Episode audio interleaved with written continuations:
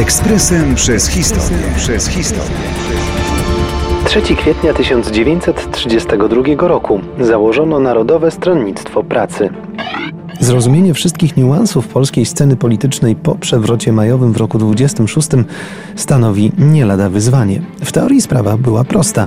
Obóz sanacyjny kontra opozycja, która znalazła się w narożniku często na skutek represji. Rzeczywistość była o wiele bardziej skomplikowana, czego dowodem pojawienie się w kwietniu 1932 roku nowej partii Narodowego Stronnictwa Pracy.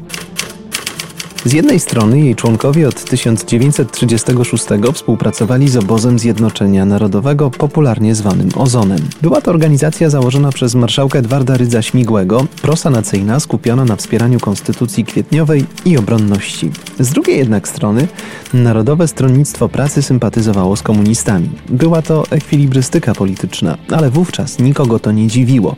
Życie polityczne było niezwykle zatomizowane. Gdyby się jednak głębiej nad tym zastanowić, w łonie NSP egzystowały przeciwstawne trendy, no bo jak pogodzić wątek sanacyjny z komunizowaniem, jawnie uderzającym w polską niezawisłość?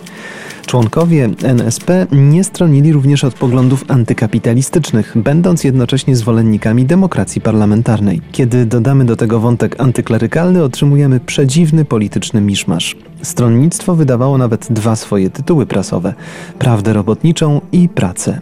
Głównymi działaczami byli zdeklarowany wróg endecji Adam Ciszak i Felix Widywirski, później żołnierz AK, powstaniec warszawski i wreszcie działacz PZPR, a także skarbnik zarządu Towarzystwa Przyjaźni Polsko-Radzieckiej. Ekspresem przez historię. Przez historię.